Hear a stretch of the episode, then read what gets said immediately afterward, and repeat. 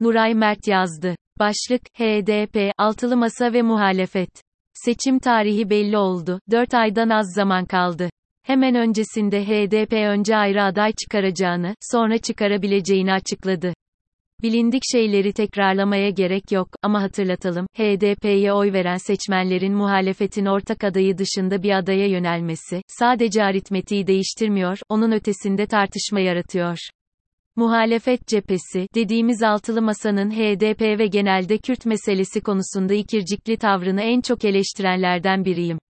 Kürt meselesinin terör meselesine indirgenemeyeceği ve çözümünün askeri yöntemler olamayacağı konusunda ortak bir anlayış ve görüş geliştiremeyen bir muhalefet hareketinin Türkiye'nin demokratikleşmesi konusunda fazla umut vaat etmediğini düşünenlerdenim.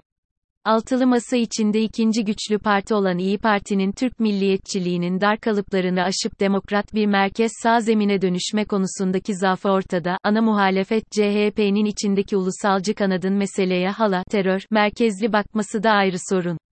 Bu noktada, HDP'nin muhalefet adayını koşulsuz desteklemesini beklemek haksızlık olarak görünüyor. Evet, doğru, tamam. Ama iş burada bitmiyor, bitmemeli.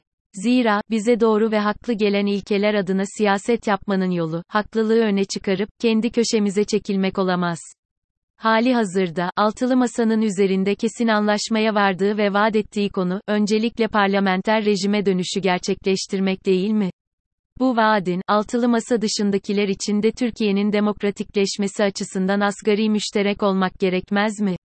Sonu felaket olan yargı reformuna bile yetmez ama evet diyenlerin bu konuda yetmez o nedenle hayır demeye getirmesini anlamak zor. Bu bir bir yandan iktidar partisi bu tepkiler üzerinden muhalefet partilerini kriminalize ederken HDP'nin sanki böyle bir durum yokmuş gibi davranmaya devam etmesinin yegane sonucu Cumhurbaşkanlığı seçimlerinde muhalefeti zayıflatmak olacak. İkincisi, HDP'nin diğer siyasi partilerden farklı bir konum olduğunu, kendilerinin de kabul etmesi gerekiyor. Bu ön kabul doğrultusunda, yıllarca, HDP ve öncülü olan Kürt partilerine, PKK'yi lanetle, diye baskı yapılmasını eleştirdik.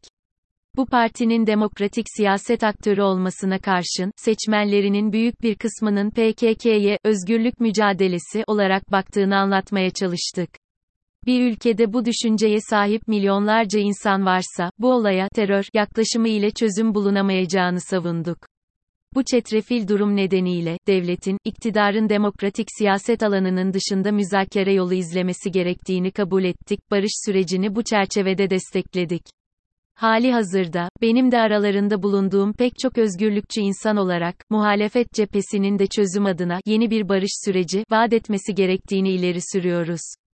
Bunları söylerken, Kürt meselesinin ve HDP'nin özgün durumunu dikkate alıyoruz, ancak bu, özgün, durumun, aynı zamanda diğer siyasi partilerin seçmen tabanında tepkilere neden olduğunu da kabul etmek, hesaba katmak gerekiyor.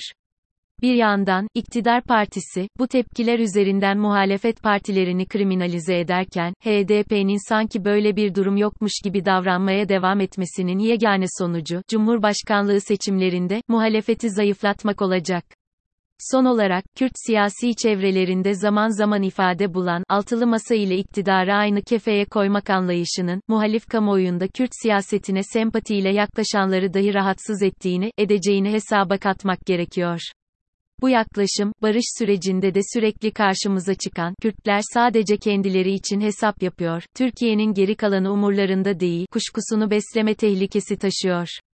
HDP çevresinden bir yorumcunun, Cuma Çiçek ifade ettiği gibi, Kürtlerin seçim stratejisi yanında bir de rejim stratejileri olduğunu biliyoruz.